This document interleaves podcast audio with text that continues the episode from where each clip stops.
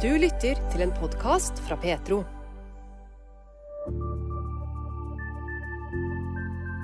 Tre og en halv million nordmenn kan delta. Men hvorfor skal vi engasjere oss i kirkevalget? Siv Thomsson i Kirkerådet forklarer litt om det seinere. Siste helga i august får Norge en ny festival. I bygda Finnsland på Agder arrangerer Finnsland bedehus Bedehusfestivalen. Og hvorfor trengs det et misjonsarbeid for å fortelle det jødiske folk historien om jøden Jesus Kristus? Det spør vi nyansatt leder for den norske Israelsmisjonen om i ukas utgave av Petro-uken oppsummert.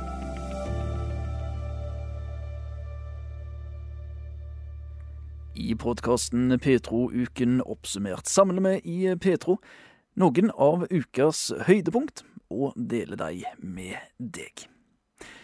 Denne uka skal du òg få høre ukas refleksjoner fra Sten Sørensen, og du skal få møte Anne Berit Mathisen, som i helga starter med pubkirke, etter et konkret kall fra Gud om å gå ut. Anne Berit Mathisen er ordinert prest i Den norske kirke og har hatt sin arbeidsplass både i vanlig menighet, i Forsvaret og som offshoreprest. Nå får hun ei ny stilling som pubprest under Imi kirke i Stavanger sin paraply. Kallet til denne oppgaven den kom for tre et halvt år siden, og Gud talte tydelig, forteller Anne Berit Mathisen. For tre og et halvt år siden så var jeg på en konferanse der jeg opplevde at eh, det sto en og holdt en fantastisk god tale fra scenen, men samtidig som han talte, så var det akkurat som om Gud holdt en egen tale til bare meg. Og det var den beste talen. Ikke til forkleinelse for den predikanten, men den talen Gud holdt, var bedre. Jeg har aldri opplevd noensinne i hele mitt liv å få en så tydelig tiltale. Men da hører jeg bare at Gud sier 'jeg sa gå ut'. Og det er ikke det samme som å sitte inne i kirka og rope 'kom inn'. Du gjør bevegelsen feil. Og så mange flere ting som Gud òg sa med det samme. Men den setninga, det var sånn altså livsforvandlende. Fordi at jeg skjønte at jeg er nødt til å ta på alvor det jeg nå har hørt, og jeg kan ikke fortsette som før. For det er jo det du gjør når du da sitter som menighetsprest, så er det alt du gjør, er å sitte inne og rope 'kom inn'. Og noen ganger lykkes vi, å få hvem, og noen ganger lykkes vi ikke så godt. Men, men det er liksom det. Vi er inne i denne bygninga, og målet er å få folk inn i bygninga. Og hvordan er prosessen vår fram mot det her? Ting etter hvert er lagt seg til rette. Vil du ta oss litt med på den reisa? Ja, det har lagt seg til rette. For det første så har jeg jo fra jeg begynte å snakke høyt og si hva jeg hadde i hjertet mitt, fått snakka med gode mennesker som har støtta meg. Det er klart det har vært kjempeviktig for meg. Det hadde vært tungt å oppleve dette kallet hvis alle rundt meg hadde bare sagt nei, det har vi ikke tro på. Eller nei, det blir for uortodokst. Eller nei, det blir Vi kan få motstand, så det vil vi ikke. Altså alle har bare vært sånn ja, gjør det. Så det kjenner jeg jo at eh, jeg fikk et kall, og det har blitt bekrefta fra omgivelsene rundt meg, og det har blitt bekrefta ved at mine kristne søsken unna for unna i alle leirer bare sier ja, gjør det, kjør på, vi tror på dette, vi tror det er på rett spor. Jeg har jo gått og ruga på dette og gått mine prosesser med Gud, og jeg syns jo det har gått sakte, for det er tre og et halvt år. Jeg har hatt bruk for veldig mye av den åndens gave som heter tålmodighet. Den har vært nødt til å vokse. Og så er det ting klart det modnes fram i meg, fordi det finnes ingen lønnsmidler til å gjøre dette noen plasser. Så alle er for at jeg skal gjøre det, og ingen har noen lønnsmidler å putte inn i det. Og så har jeg jo måttet eh, latt Gud få lov å løsne noen sånne grep eh, inni meg. Eh, blant annet dette behovet for kontroll, behovet for den tryggheten det er å ha en fast, stabil inntekt, og, disse, og sånne vanlige rammer det har rundt arbeidslivet. Og det er ikke så lett. Altså, der tenker jeg ungdommer er jo mye lettere enn sånn halvgamle kjerringer. Fordi jeg tror jo når du går fra videregående og rett over i ungdom i oppdrag og lever sånn på bare gaver, så du kommer rett fra mor og far, de har forsørga deg, og så går du rett over i Guds rikes arbeid og blir forsørga, og du har aldri tjent penger sjøl, og aldri tatt de der voksenpoengene med å forsørge deg sjøl. Men eh, nå var jo jeg nødt til å gå den veien, og jeg kjente på en måte var, ja, det var litt sånn tøft at, at jeg kjente at Gud tar fra meg alle voksenpoengene mine.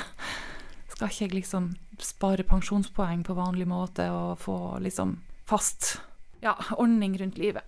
Så det har vært Det er klart, det, den der eh, å modne meg for oppdraget, det har nok òg tatt tre og et halvt år, hvis jeg skal være helt ærlig på det. Men hvordan ser du for deg at det skal se ut å være pubprestene, Berit? Nå, det første vi gjør da, nå, nå blir dette å heite pubkirka IMI Stavanger. Så det blir under IMI-kirka sin paraply. Det er jo ikke en ny menighet, det er jo fortsatt IMI, men det blir bare et ekstra gudstjenestetilbud i, gjennom IMI, da. Så det blir søndag kveld klokka sju, og vi skal være på et sted i Stavanger sentrum som heter Musikkstuen Påfyll. Hva vil en sånn kveld inneholde, da? Altså, jeg finner jo ikke opp kruttet. Det blir en gudstjeneste som er en times tid, som er litt blanding av eh, høykirkelig og lavkirkelig. Men jeg har jo ikke funnet opp kruttet. Altså, eh, alle gudstjenesteleddene er jo tatt fra Den norske kirke sin liturgi. Man bare korta litt ned på ting, og så har vi tatt inn en, en litt kort lovsangsavdeling da, til å begynne med. Hva håper du å oppnå med dette? Jeg drømmer om å nå noen av dem som syns at det er for høy terskel til kirke og bedehus. Og jeg tror at det er sant som min gode venn Martin Cave alltid bruker å si, at folk har ikke sagt nei til Jesus, men de bare vet ikke hvordan han ser ut. Og det tror jeg han har helt rett i. Jeg har jo òg ei erfaring fra mine ti år som prest på arbeidsplass i militærolja, og det var at jeg, jeg brukte å avslutte sjelesorgsamtalene med å si at eh, ja, nå er du jo hos presten og ikke hos psykologen. Og jeg har et eh, ekstra triks i boka, og det er at jeg bruker å be. Så nå har jo vi altså snakka om det du hadde på hjertet i dag, og, og hvis du vil, så kan jeg be for dette. Enten nå mens du er her på kontoret mitt, eller så, så kan jeg be for det. Hvis du, jeg, hvis du syns det er litt rart og fremmed å bli bedt for, så kan jeg be for det etter du har gått ut av kontoret. Og på ti år så opplevde jeg én person som sa nei. Og han sa nei for at han mente at eh, siden han ikke trodde på Gud, så, så det, ble det liksom feil. Som om han nesten ikke fortjente å bli bedt for siden han ikke trodde. Men alle de andre sa ja. Eh, Og det de har til felles, er at ca. ingen av dem var jo, kan du si, offisielle bekjennende kristne eller kirkegjengere. Og det sier jo meg noe om at her er, her er en sånn positiv holdning til det kirka har å by på. Men det oppleves ikke så tilgjengelig når vi driver og gjemmer det vekk inni våre egne bygninger. Anne-Berit Mathisen forteller om pubkirke. Hun ønsker at det skal være lettere å få høre budskapet om Jesus, og tar dermed kirka med ut blant folk på pub. Og det er ikke første gang at Anne-Berit Mathisen har hatt gudstjeneste på uvanlige plasser. Jeg har jo òg opplevd i de årene jeg var prest i olja og Forsvaret, at eh, jeg holdt jo gudstjenester i, felt og på alle mulige merkelige plasser. Altså inni helikopterhangar og i mekanisk verksted og på kystvakta. Ja, her og der. Altså, da kom jo massevis av folk som ellers aldri går i kirka. Men har ingenting imot å høre om Jesus så lenge jeg kommer med gudstjenesten min til dem. Og det er litt Det er jo det jeg drømmer om, at folk skal tenke at nå kan jeg gå og høre om Jesus, for nå er det liksom ute i en, på et nøytralt sted. Første gang søndag 20. august. Ja, da starter vi med salmekonsert. Da får vi besøk av eh, Levi Bergerud med band. De eh, har jo drevet nå med å ha salmer på pub i Oslo i et års tid. Og har jo høsta noen utrolig fine erfaringer med at eh, så mange som ikke er menighetsaktive mennesker, eller troende i det hele tatt, har lyst til å komme og høre salmer, og synge med. Og veldig mange av sånne som kanskje var troende og aktive i menighet i unge år, og så kom voksenlivet og tok en annen retning, og så datt de av lasset.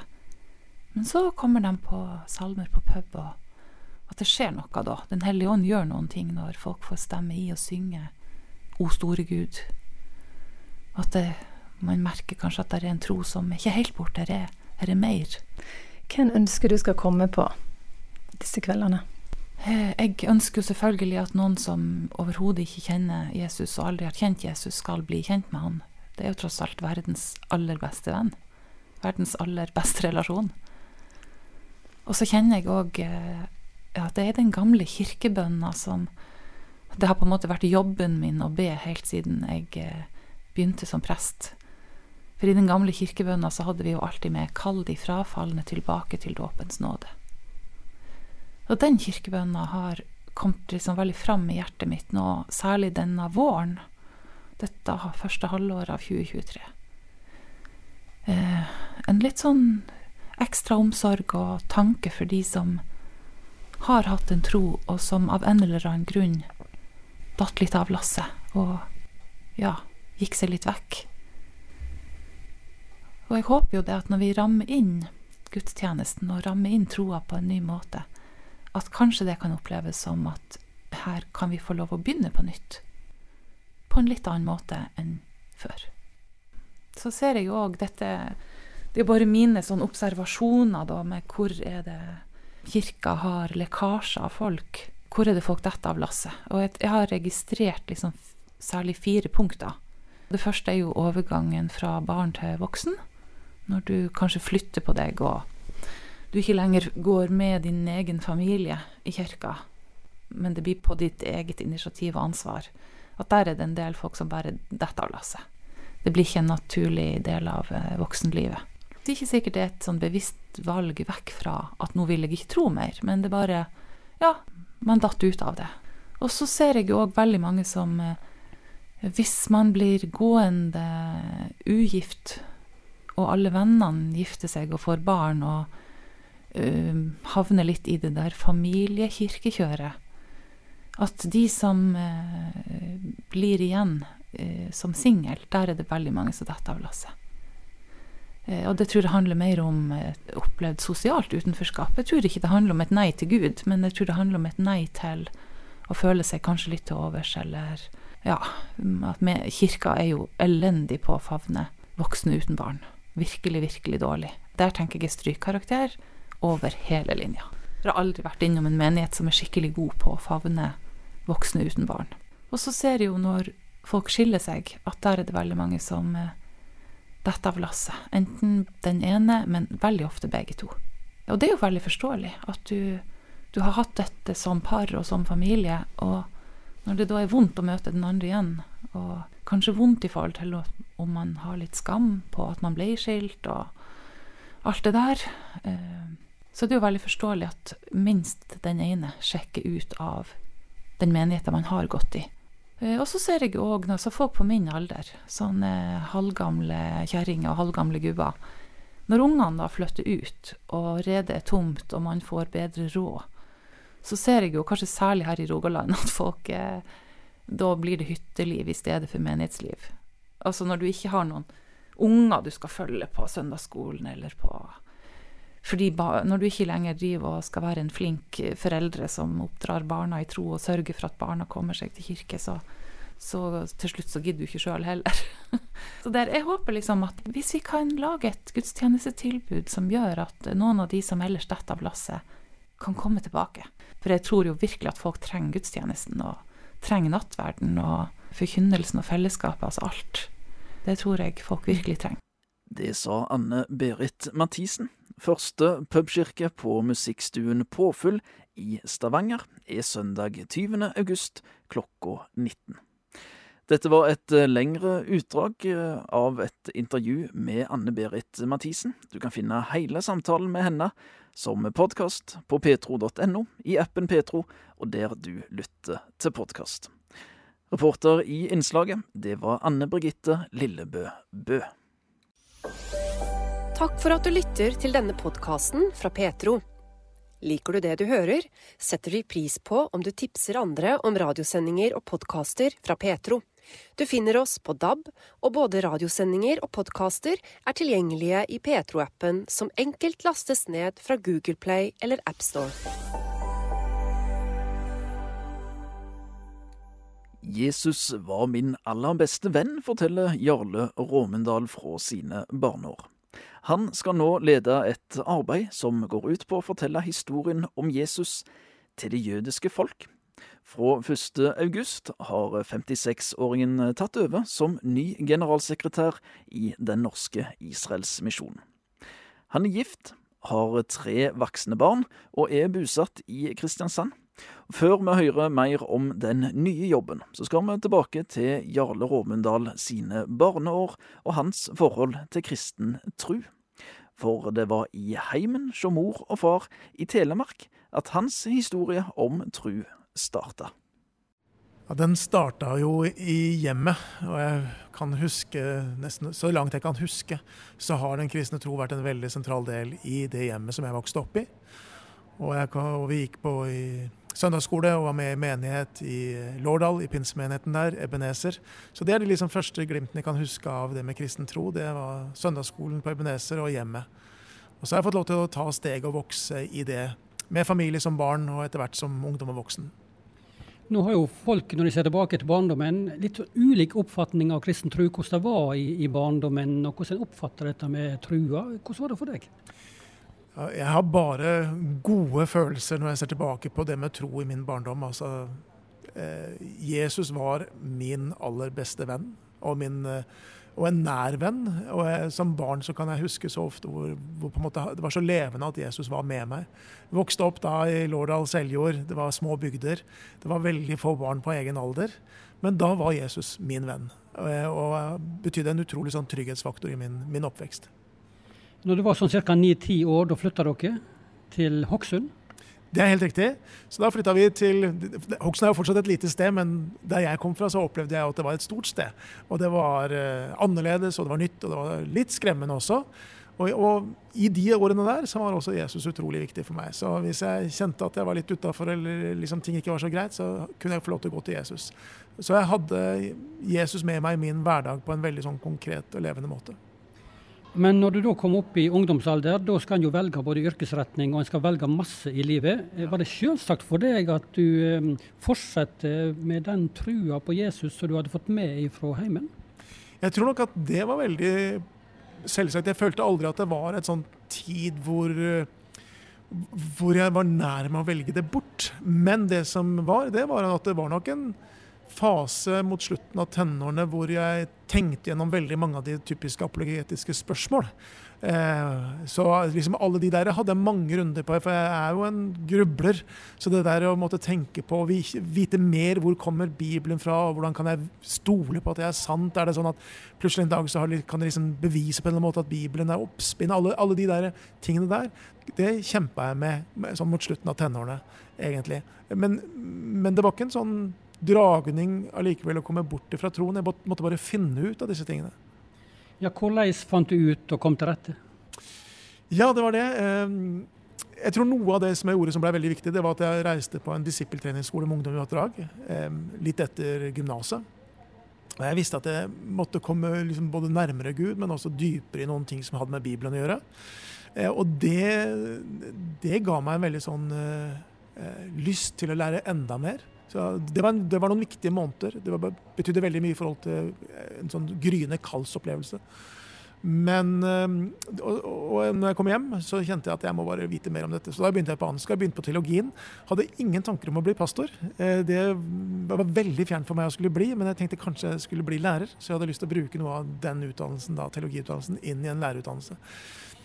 Og så var det første året på teologien for meg en sånn der eh, øyeåpner, for jeg skjønte plutselig så mye mer at uh, gjennom kirkehistorien, gjennom disse kontinuerlige linjene som går altså Det var ikke, det var ikke sånn at plutselig noen bare hadde oppdaga Bibelen på 1800-tallet, men den, det var liksom en tråd tilbake helt til Jesu tid.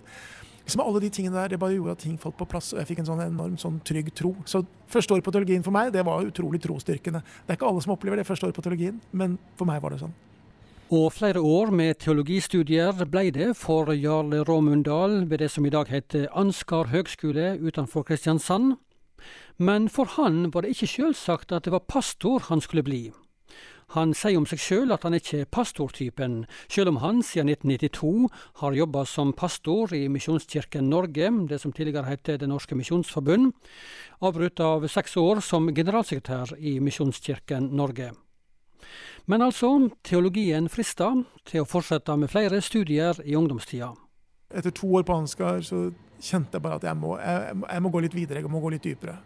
Jeg hadde fortsatt ingen tanker egentlig å bli pastor. Jeg, jeg er ikke, jeg er ikke typisk pastortypen, egentlig. Jeg trives ikke så godt på plattformen, trives mer litt bak i salen.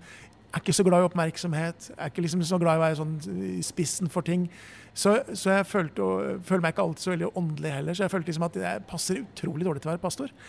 Um, men, men, etter fire år på Ansgar så tenkte jeg sånn Kanskje jeg må bare teste det ut litt. Um, fikk noen muligheter. Og det er vel egentlig det jeg gjør fortsatt. Jeg tester ut om dette passer for meg. Og nå, akkurat nå er jeg ikke pastor, men jeg har vært pastor stort sett hele mitt liv. Eh, og så har jeg opplevd som et slags Guds under og mirakel at Gud har kunnet brukt meg i den sammenhengen der. Og For meg var det et sånt der, jeg sa det i mange år, at det er for meg et slags gudsbevis at Gud kan bruke meg i dette. det er jo over 30 år siden du starta som ungdomspastor i Misjonskirken Norge. Og så har alle disse åra gått, og du har fortsatt som pastor opp gjennom hva er det som gjør at du da har fortsatt der? Du må jo ha trivast? Ja, jeg tror det. Jeg tror uh, uh, Absolutt. Jeg jeg har trivdes den, med den jobben og trivdes med det ansvaret det innebærer. Og, min, og som, som, jeg sier til min store overraskelse, så har det vært my, veldig mye trivsel.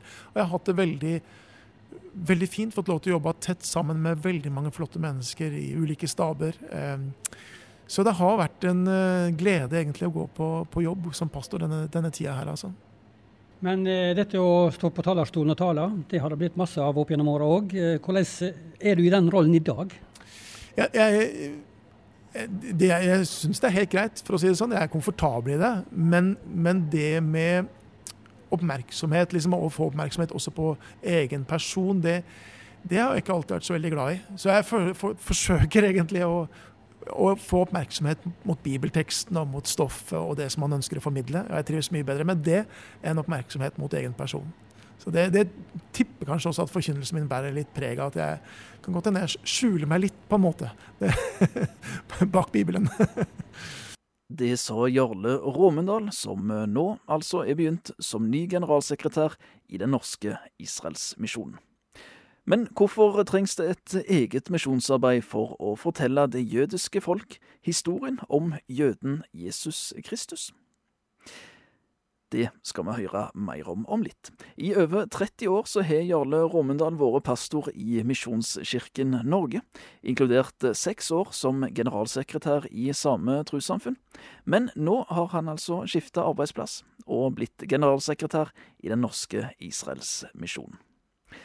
Jarle Råmendal kommer fra stilling som pastor i Randesund misjonskirke utenfor Kristiansand.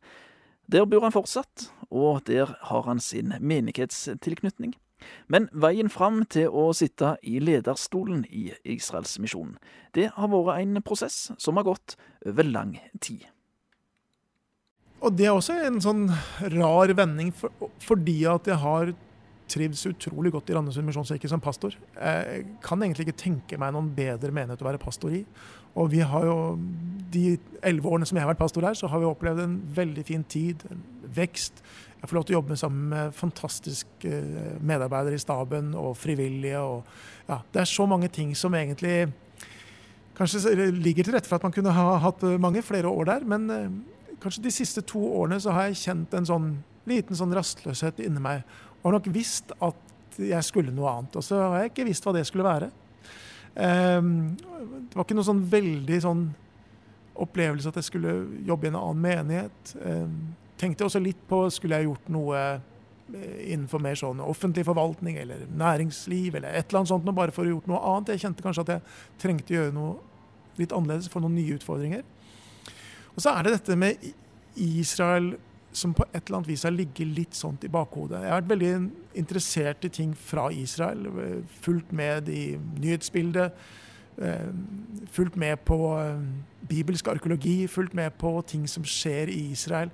Eh, og så er det kanskje tre år siden eller noe sånt nå, så var det en stilling ledig i Israel. De søkte pastor eller prest, og så sa jeg til kona mi skulle vi tatt noen år i Israel. Så det har vært en sånn, en sånn opplevelse, en dragning mot det landet. Eh, og Det er kanskje ikke så rart på en måte, for vi leser om Israel hver eneste dag i Bibelen. men, men, det har vært eh, noe der. Så når utlysningen kom, Norsk Israelmisjon trenger generalsekretær, så var det en sånn utlysning som nappa litt i meg, og som jeg la bort mange ganger. Men kvelden før søknadsavisen gikk ut, så sendte jeg inn en søknad.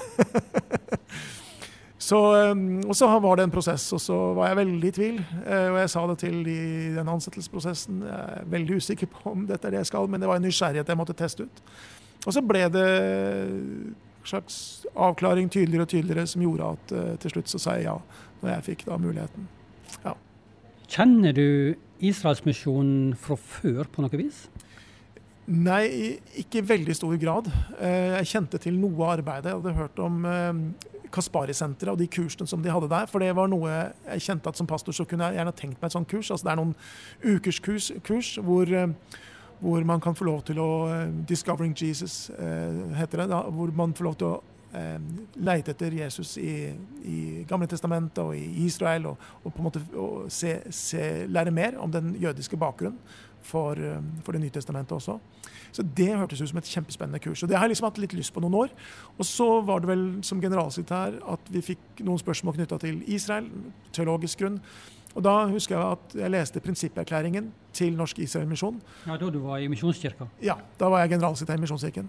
Uh, og så kjente jeg at når jeg leste den prinsipperklæringen, hvor man tydeliggjør veldig mye med hva man mener om Israel, teologi osv., politisk, så kjente jeg at dette kjente jeg meg fryktelig hjemme i. Det var liksom sånn, det var som om mine tanker og holdninger om Israel var satt ord på. Så, så det, og det var til stor hjelp i de prosessene vi sto i. Så siden det så har jeg i hvert fall liksom hatt en sånn type, et hjerte for Israel Misjon, og en sånn følelse av at, sånn, ja, at, at, det er et sted jeg kunne kjent meg hjemme i. Nå har Israelsmisjonen et formål å vekke til ansvar for jødene, forkynne evangeliet for dem og vise dem kristen kjærlighet. Hvorfor trengs det et eget misjonsarbeid for å fortelle det jødiske folk historien om jøden Jesus Kristus? Ja, altså, så trenger man jo kanskje ikke sånn nødvendigvis et sånt helt eget. Altså, det er jo andre organisasjoner som driver også eh, vanlig misjon, altså misjon mange steder, men også har et Israels engasjement. Eh, og, og, menigheter har det. Men, men, det er jo noe med det at dette området er også et slags spesialområde. Altså Misjon er jo et spesialområde i seg sjøl. Man trenger ganske høy grad av kompetanse for å drive god misjon. Og Israel er jo et teologisk, politisk, eh, samfunnsmessig spesialområde også. Så Derfor så sier vi at Israelmisjonen ønsker å være en kompetanseorganisasjon hvor man har erfaring og høy grad av kompetanse om det å drive misjon i Israel. Og Sånn sett så tror jeg at man har en stor og viktig rolle å spille nettopp i det. Å kunne være med og, og tilrettelegge og hjelpe, sånn at, eh, at man kan formidle evangeliet for jøder. For det er, det er, mange ting der som man skal være klar over, og som, som ikke nødvendigvis er helt det samme som å drive misjon i Norge, eller i Afrika eller i Asia. Men hvorfor skal vi kristne fra Nord-Europa komme til Israel og fortelle dem om det som står i Bibelen, og det som eh, Jesus var og gjorde og er? Ja, altså jeg tror det er mange som kan komme. Trenger ikke bare være fra Nord-Europa. og det er, at, det er, klart at, Med vår historie, med historie med antisemittisme osv., så, videre, så, så kan det nok hende at det også er en barriere faktisk for evangeliet. At vi kommer nettopp fra den kulturelle sfæren som vi gjør. Eh, men samtidig så tenker jeg at alle kristne har jo et ansvar for å formidle evangeliet til alle mennesker. Eh, det betyr også, også jødene og ikke de unntatt. Altså, jeg tror Jesus er verdens håp også for jødene, og at de må få lov til å se det og erfare det. Så, så i sånn sett så tenker jeg det er en del av vårt felles oppdrag å formidle evangeliet til Guds utvalgte folk, og jeg tror de er fortsatt Guds utvalgte folk som trenger å høre at Jesus faktisk er Messias. Israelsmisjonen har jo kompetanse, som du sier. Dette med røttene, Bibelen, hvor den kommer fra hva tenker du, sånn, så langt som du vet nå og kjenner til nå, at Israelsmisjonen kan tilføre norsk kristenhet eh, i større grad framover? Ja, altså, I tillegg til det å kunne være en kompetanseorganisasjon og kunne være til hjelp for å ta et uh, misjonsengasjement for det jødiske folk til Israel eller til Øst-Europa, hvor vi også har arbeid, altså bare det bindeleddet, så tenker jeg at det å forstå mer av den jødiske konteksten som evangeliet på en måte, og Jesus kom til. Det vil hjelpe oss til å forstå mer av evangeliet, forstå mer av hvem Jesus er. Forstå mange av de ulike lignelser eller taler som Jesus har, inn i en gammeltestamentlig kontekst eller en jødisk kontekst. Da forstår vi også mer av hva Jesus er. Og der tror jeg at vi ofte eh, går glipp da, av en stor eh, kunnskapskilde ved å ikke ta den jødiske konteksten som evangeliet har blitt til i, eller ta den eh, gamle testamentlige bakgrunnen mer på alvor enn det vi ofte gjør, med at det er liksom noe vi hopper litt fort forbi. Men det er jo der eh, det ligger så mange nøkler til å forstå. Evangeliene, eh, brevene, åpenbaringsboken ikke minst. Altså Forstå det, så må vi forstå også den jødiske konteksten. Så der tenker jeg at med den kompetansen som Israel-misjonen har, så kan man være eh, til hjelp for kristne, for menigheter i Norge. Det ønsker vi i hvert fall å være. Det sa Jarle Råmundal, som 1. august begynte som ny generalsekretær i Den norske Israelsmisjonen. Reporter i innslaget var Inge Kallestad. Petro har mange ulike podkaster og serier. Samlivsskolen gir råd og tips til par. I Pastoren og Journalisten prøver vi å finne ut hvorfor mange unge forlater menigheten i overgangen til voksenlivet. Og i Petro-gjesten får du høre livs- og troshistorien til en lang rekke spennende mennesker. Ekte og ærlig. Du finner alt i Petro-appen, på petro.no, eller der du ellers lytter til podkaster. Siste helga i august får Norge en ny festival. I bygda Finnsland på Agder arrangerer Finnsland bedehus Bedehusfestivalen. Med navn som Rune Tobiassen, Sten Sørensen og Nils Kåre Strøm på talersida, Salem Gospelkor, Lisa Børud, Justified og Renate og Morten Gjerløv Larsen på musikksida, i tillegg til flere seminar, så legges det opp til ei innholdsrik helg på Finnsland bedehus. Jostein Aasen er ungdomsarbeider på Finnsland bedehus, og forteller at bakgrunnen for festivalen var at de ønska å lage noe som kunne knytte bygda sammen, og vise noe av bedehusets arbeid. Vi var en, en komité som um, satte oss ned og hadde lyst til å lage en festival med, som var liksom et, noe som kunne knytte bygda sammen, samtidig som vi kunne belyse de ulike greinene av bedehuset sitt arbeid. Og så er det jo selvfølgelig lyst til at uh, vi skulle oppleve at mennesker kunne ta imot Jesus og ha en klar pekepinn på, på Jesus som budskap om han. Mm. Og nå skal det arrangeres for første gang om kort tid. Hvordan er følelsen nå når det nærmer seg? Ja, vi, vi er veldig spente. Jeg hadde jo satt noen så vi er jo spente på mange som kommer. Men følelsen er jo god, han er det. Det er jo et variert program til, til, det som skal, skal skje den helga. Mm, det gjør vi. Dere har lagt et uh, godt program òg for, uh, for helga. Det starter på, på torsdag ettermiddag med, med middagskafé, og så blir det etter hvert møte med Rune Tobiassen og sang av mannevær og konsert med Renate Morten Gjerløv Larsen. Og så går det egentlig bare videre utover i, i helga med formiddagstreff og seminar og møter og konserter.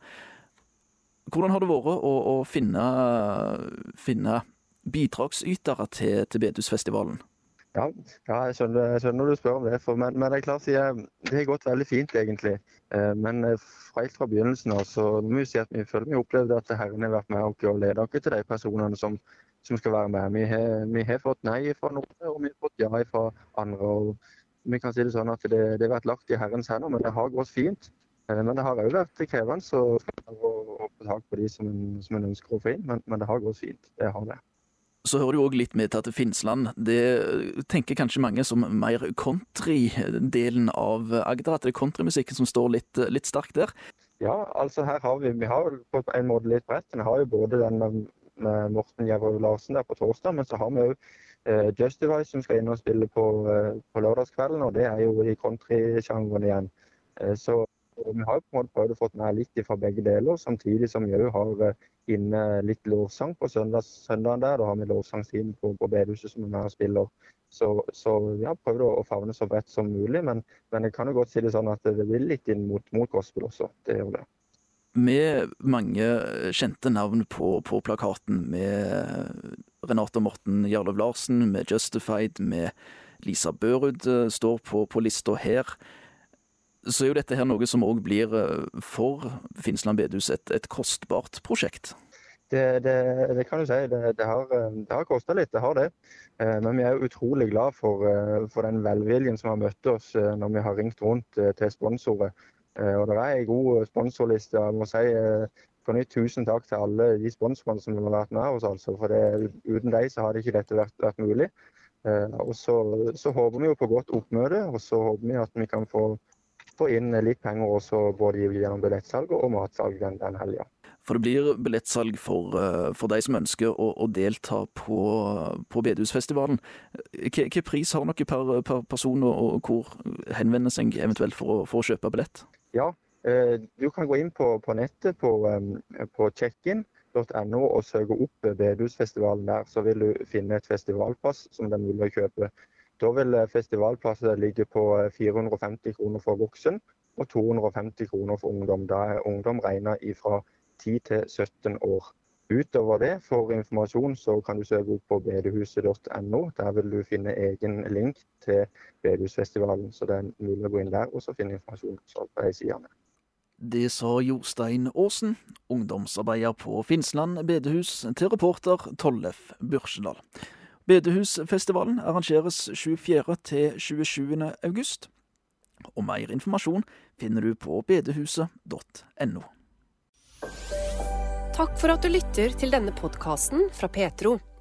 Liker du det du hører, setter vi pris på om du tipser andre om radiosendinger og podkaster fra Petro. Du finner oss på DAB, og både radiosendinger og podkaster er tilgjengelige i Petro-appen, som enkelt lastes ned fra Google Play eller AppStore. Samtidig med at det er kommune- og fylkestingvalg i år, så er det òg eh, kirkevalg i Den norske kirke, der tre og en halv million nordmenn er medlemmer. Men hva er kirkevalget? Siv Thomsen, seniorrådgiver i Kirkerådet, gir oss denne kortversjonen. Kort fortalt så er kirkevalget det er alle medlemmer sin mulighet til å bestemme hvem som skal sitte i menighetsråd og i bispemråd og kirkemøte. Altså når jeg sier alle medlemmer, så er det da fra det året man fyller 15. Og hva er, ditt, hva er, ditt, Ja, det var ganske kort og konsist, vil jeg si. Vi skal komme litt nærmere inn på dette her. Men hvorfor skal medlemmer i Den norske kirka bruke stemmeretten sin, synes du? Det er jo en måte å delta i det kirkelige demokratiet på. Det er jo rett og slett å gi sin stemme til de som du mener står for det som du er enig i. Så dette er jo den måten du har til å påvirke hvordan kirka skal se ut der hvor du bor, og hvordan kirka skal være nasjonalt og, og framover. Så det er, det er, en måte å si sin mening på, akkurat som det er i, i kommune- og fylkestingsvalg og i stortingsvalg. Da. Og alle som er medlemmer i Den norske kirka og er 15 år eldre, de har altså stemmerett her. Men eh, litt mer om disse organer som det skal velges inn medlemmer i eh, menighetsråd og bispedømmeråd. Eh, hva er det de jobber med, hvis ja. du tar først eh, menighetsrådet? Ja, men aller først vil jeg også si at det er fra det året du fyller 15. Så det betyr at de som er konfirmanter, er jo 14 eller 15. Så du kan stemme også om du er 14 år og, det, og fyller 15 i år, bare så det er sagt, da. Så, så stemmeretten er ned til religiøs myndighetsalder. Og så spurte du om eh, menighetsrådet. Eh, og menighetsrådet det er jo det rådet som sitter og bestemmer eh, over kirka der hvor du bor. Så det er din menighet, din kirke. Og det er de som bestemmer hvordan konfirmantarbeid skal være, som legger planer for gudstjenesten. Vi har jo en folkekirke som betyr mye involvering fra menigheten. Det er ikke en kirke hvor presten bestemmer alt, men eh, når man sitter i menighetsråd og deltar i utvalg, så er man med å legge planer. Hvordan skal kirka kommunisere ut, og hva slags tilbud skal vi ha eh, for de eldre? Hva slags tilbud skal vi ha? Vil vi ha babysang? Dette er jo det menighetsrådet er med og bestemmer. Og, så og ja, altså Bispedømmerådet, ja. Hva er deres funksjon? Da skal du få bispedømmerådet.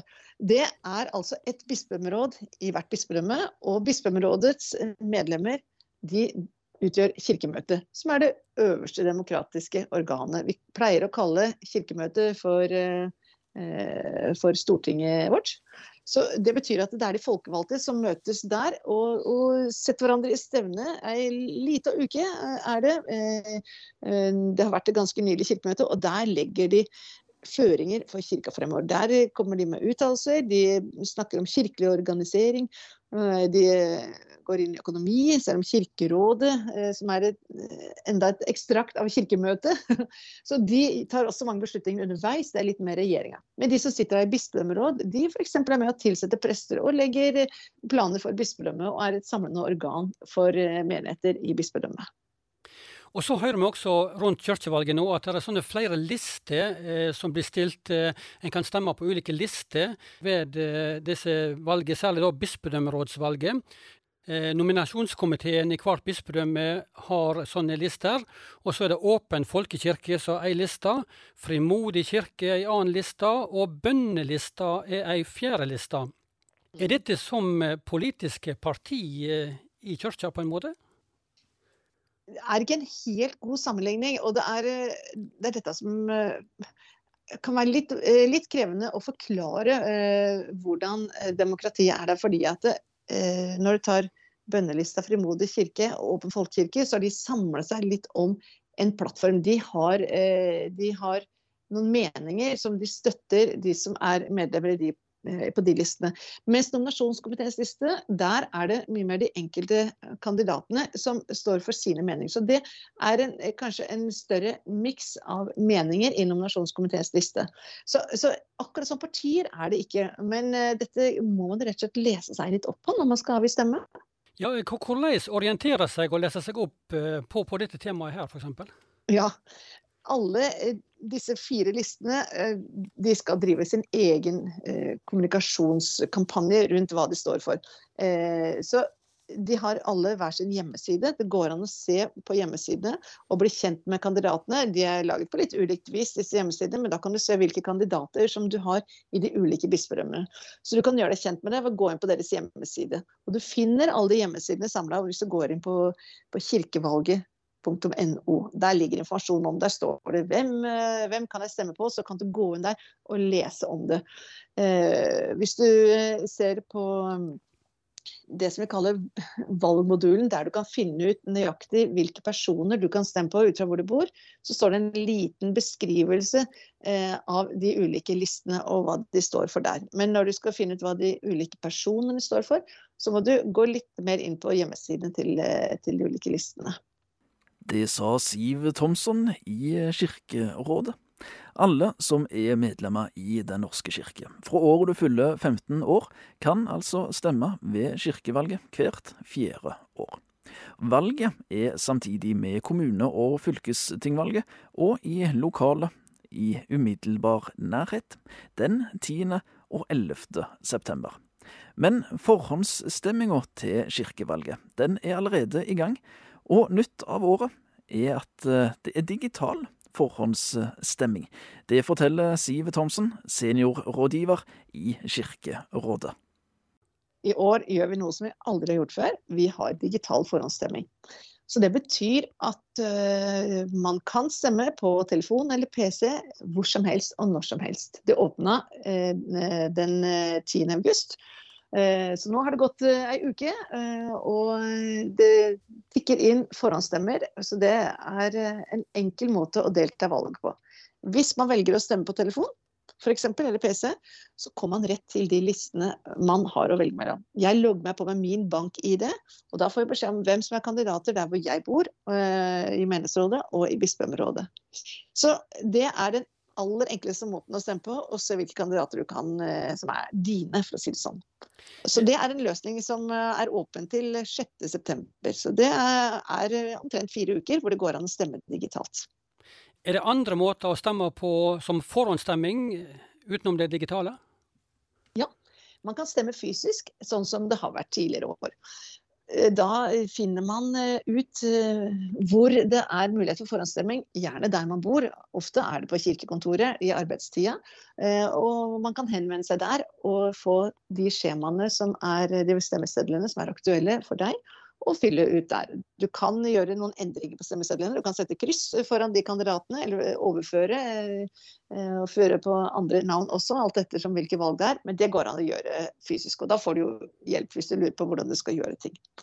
Så, så det er en mulighet der. Og man kan jo forhåndsstemme hvor man vil i landet nå, eh, før det nærmer seg valgdagen.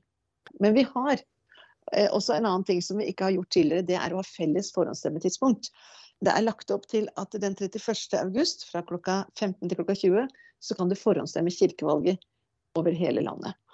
Vi er jo ikke så tilgjengelige som eh, fylkes- og kommunevalget, hvor du ser valgboder, i hvert fall i byene. Så kan du se det står der. Kirka er jo ikke organisert på samme måte, så det vil nok også være på type eh, kirkekontor, eh, det også. Men eh, dette er da ulikt, eh, men organisert over hele landet samtidig.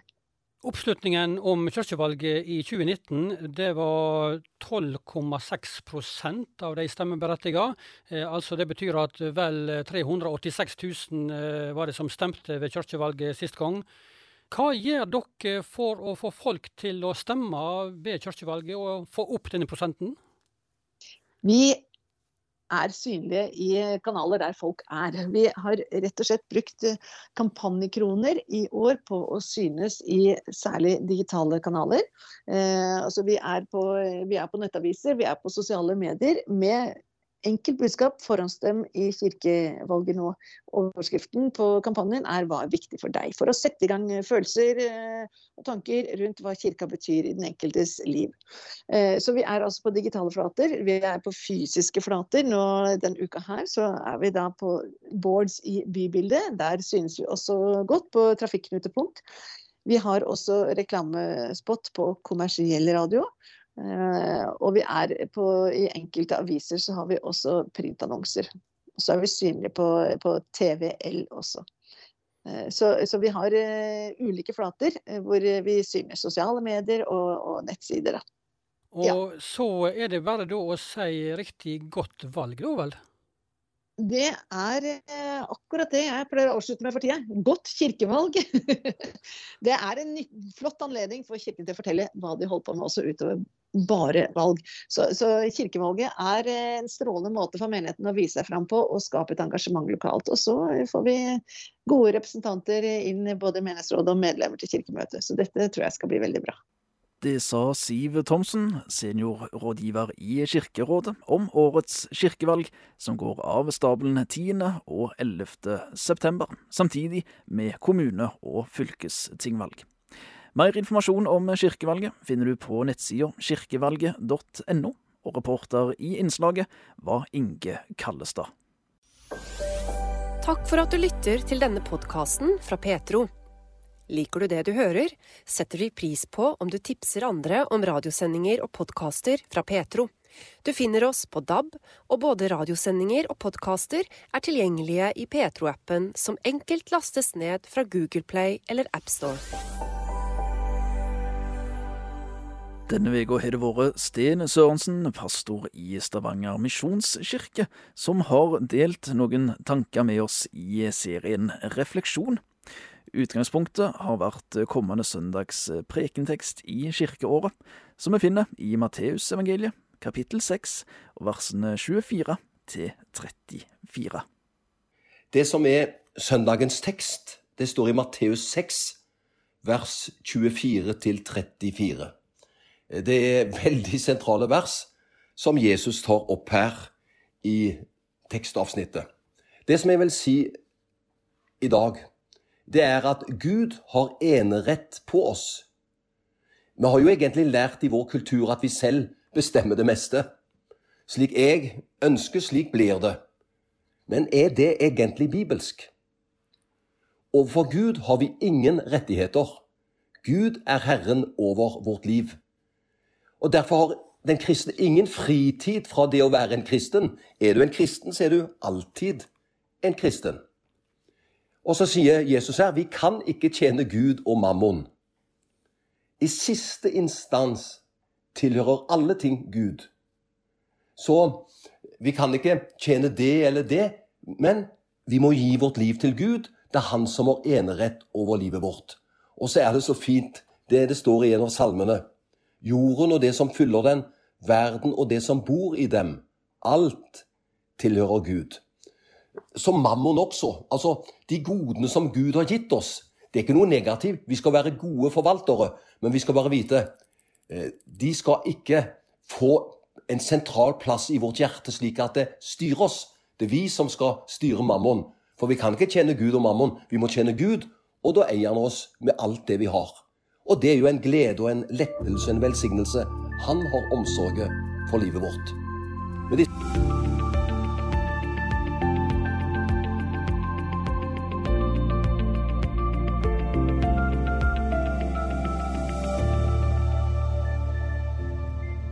Det som er teksten som jeg vil ha litt refleksjon over denne uken, den finner vi i Matteus evangelium kapittel 6, vers 24-34. Og da kommer vi inn på forskjellige slags bekymringer. I de ti versene setter Jesus fram sju forskjellige bevisførsler og forsvarspunkter mot bekymring.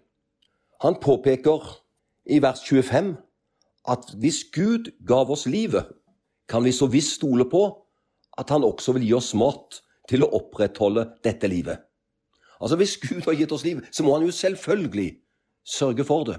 Hvis Gud gav oss kroppen, vil han så visst gi klær til den. Så det første argumentet er at dersom Gud gav oss livet, kan vi stole på ham når det gjelder de tingene som er nødvendige til å opprettholde livet.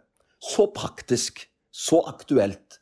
For vi lever i et liv hvor det er lett å bekymre seg.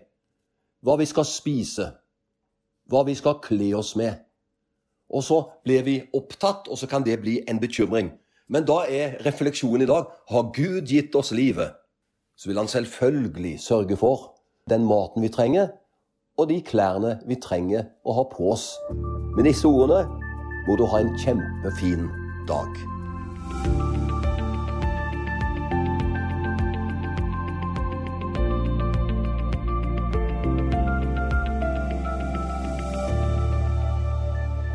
I det som gjør at vi trenger ikke å bekymre oss, i teksten for søndagen som kommer, Matteus 6, 24-34, så kommer Jesus inn på vers 26.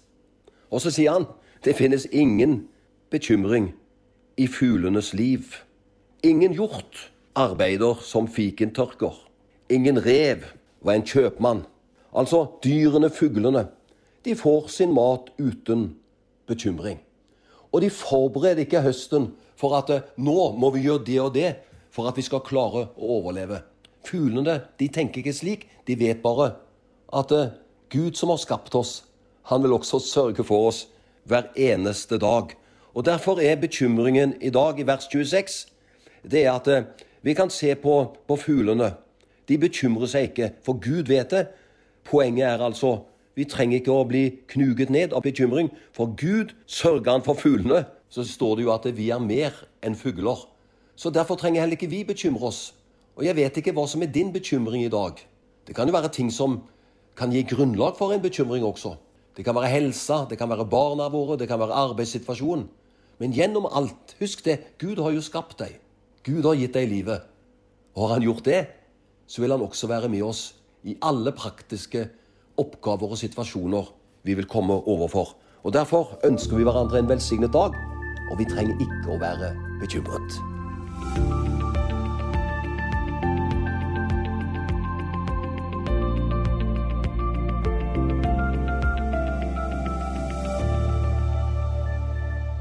Og det er uh, Matteus 6, vers 24-34, som er søndagens tekst, og som jeg vil gi litt refleksjon rundt.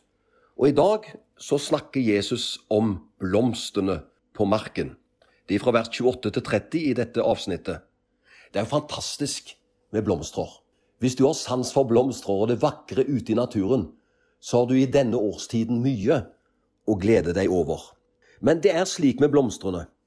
For eh, det bildet som Jesus bruker, det er jo blomstrene på åssiden i Palestina. Og blomstene der, de hadde et veldig kort liv. Selv om skjønnheten til blomstene overgår kongelige drakter. De var så vakre. Men så vet vi de blomstrer en dag, og så visner de. Neste dag så er de døde, og så blir det ikke mer. Men da er det Guds omsorg til oss. Hvis Gud viser en sånn omsorg for blomsten som bare blomstrer én dag, med så kort levetid, hvor mye mer vil han da ikke vise sin omsorg for oss mennesker? Tenk, vi har jo et langt liv. Og Gud vil jo bruke enda mer av sin omsorg, med sin nåde og sin godhet mot oss. Så jeg vil bare si det. Du trenger ikke å være bekymret. Gud har kontrollen. Ha en kjempefin dag.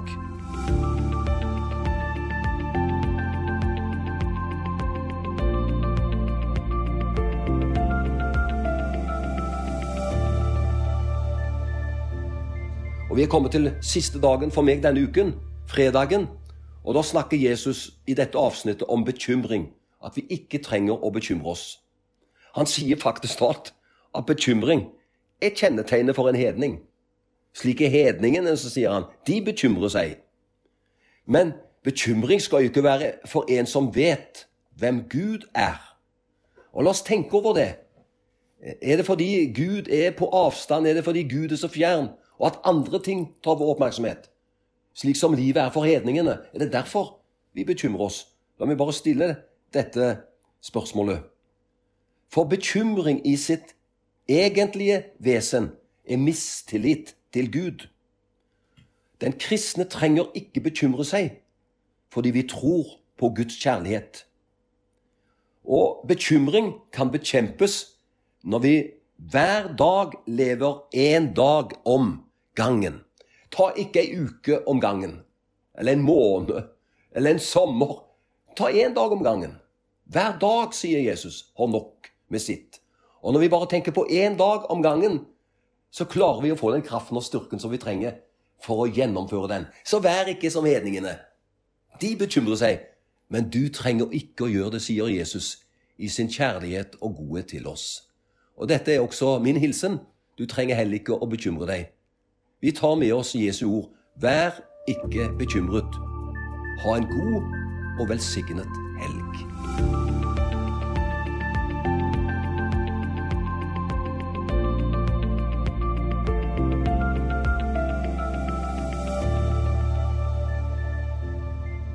Det var Sten Sørensen, pastor i Stavanger misjonskirke, som delte tanker med oss i serien Refleksjon denne uka. Søndagens tekst var henta fra Matteusevangeliet, kapittel 6, vers 24 til 34. Du har lyttet til en podkast fra Petro. Du finner mer i Petro-appen, på petro.no, eller der du ellers lytter til podkaster.